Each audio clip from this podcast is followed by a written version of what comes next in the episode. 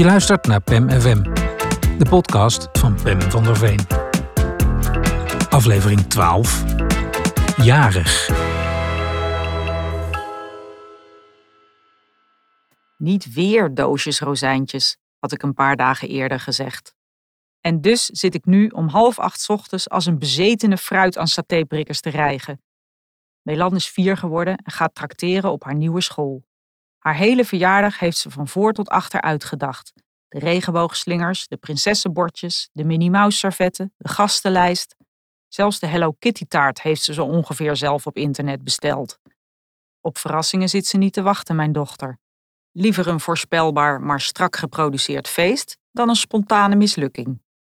Alleen de tractatie heb ik dus verzonnen. En dat zal ik nu weten. Want het is al laat, ik heb nog geen koffie gehad, Melan moet haar feestjurk nog aan en die stapel fruitspiezen is nog lang niet klaar.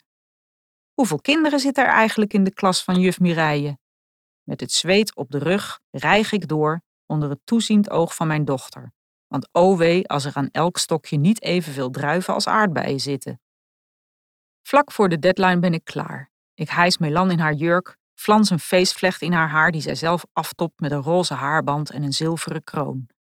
Gevoelig voor styling als ze is, zet ze er ook nog een zonnebril bij. Klaar om te schitteren op haar eerste verjaardag op school. Vol voorpret fietst ze erheen op haar lieve heersbeestjesfietsje. Ik hol erachteraan, een schaal met dertig fruitspiezen torsend, enigszins kortademig van de haaststress, maar toch met een voldaan gevoel. Het is me gelukt. Ik heb dit keer niet de laffe keuze voor rozijntjes gemaakt, maar een simpele, doch creatieve en zeer gezonde tractatie verzorgd. Juf Mireille zal ook vinden dat ik goed bezig ben. We naderen school. Het is stil op het plein. Waar is iedereen? Een verontrustend vermoeden bekruipt me. Het is toch geen vakantie? Zijn we zo laat dat iedereen al binnen is? Melan kijkt me vragend aan, haar zilveren kroontje voor haar ogen gezakt. Ik rammel aan de schooldeur. Dicht. Dan lees ik het briefje. Studiedag. Ik haat juf Mireille.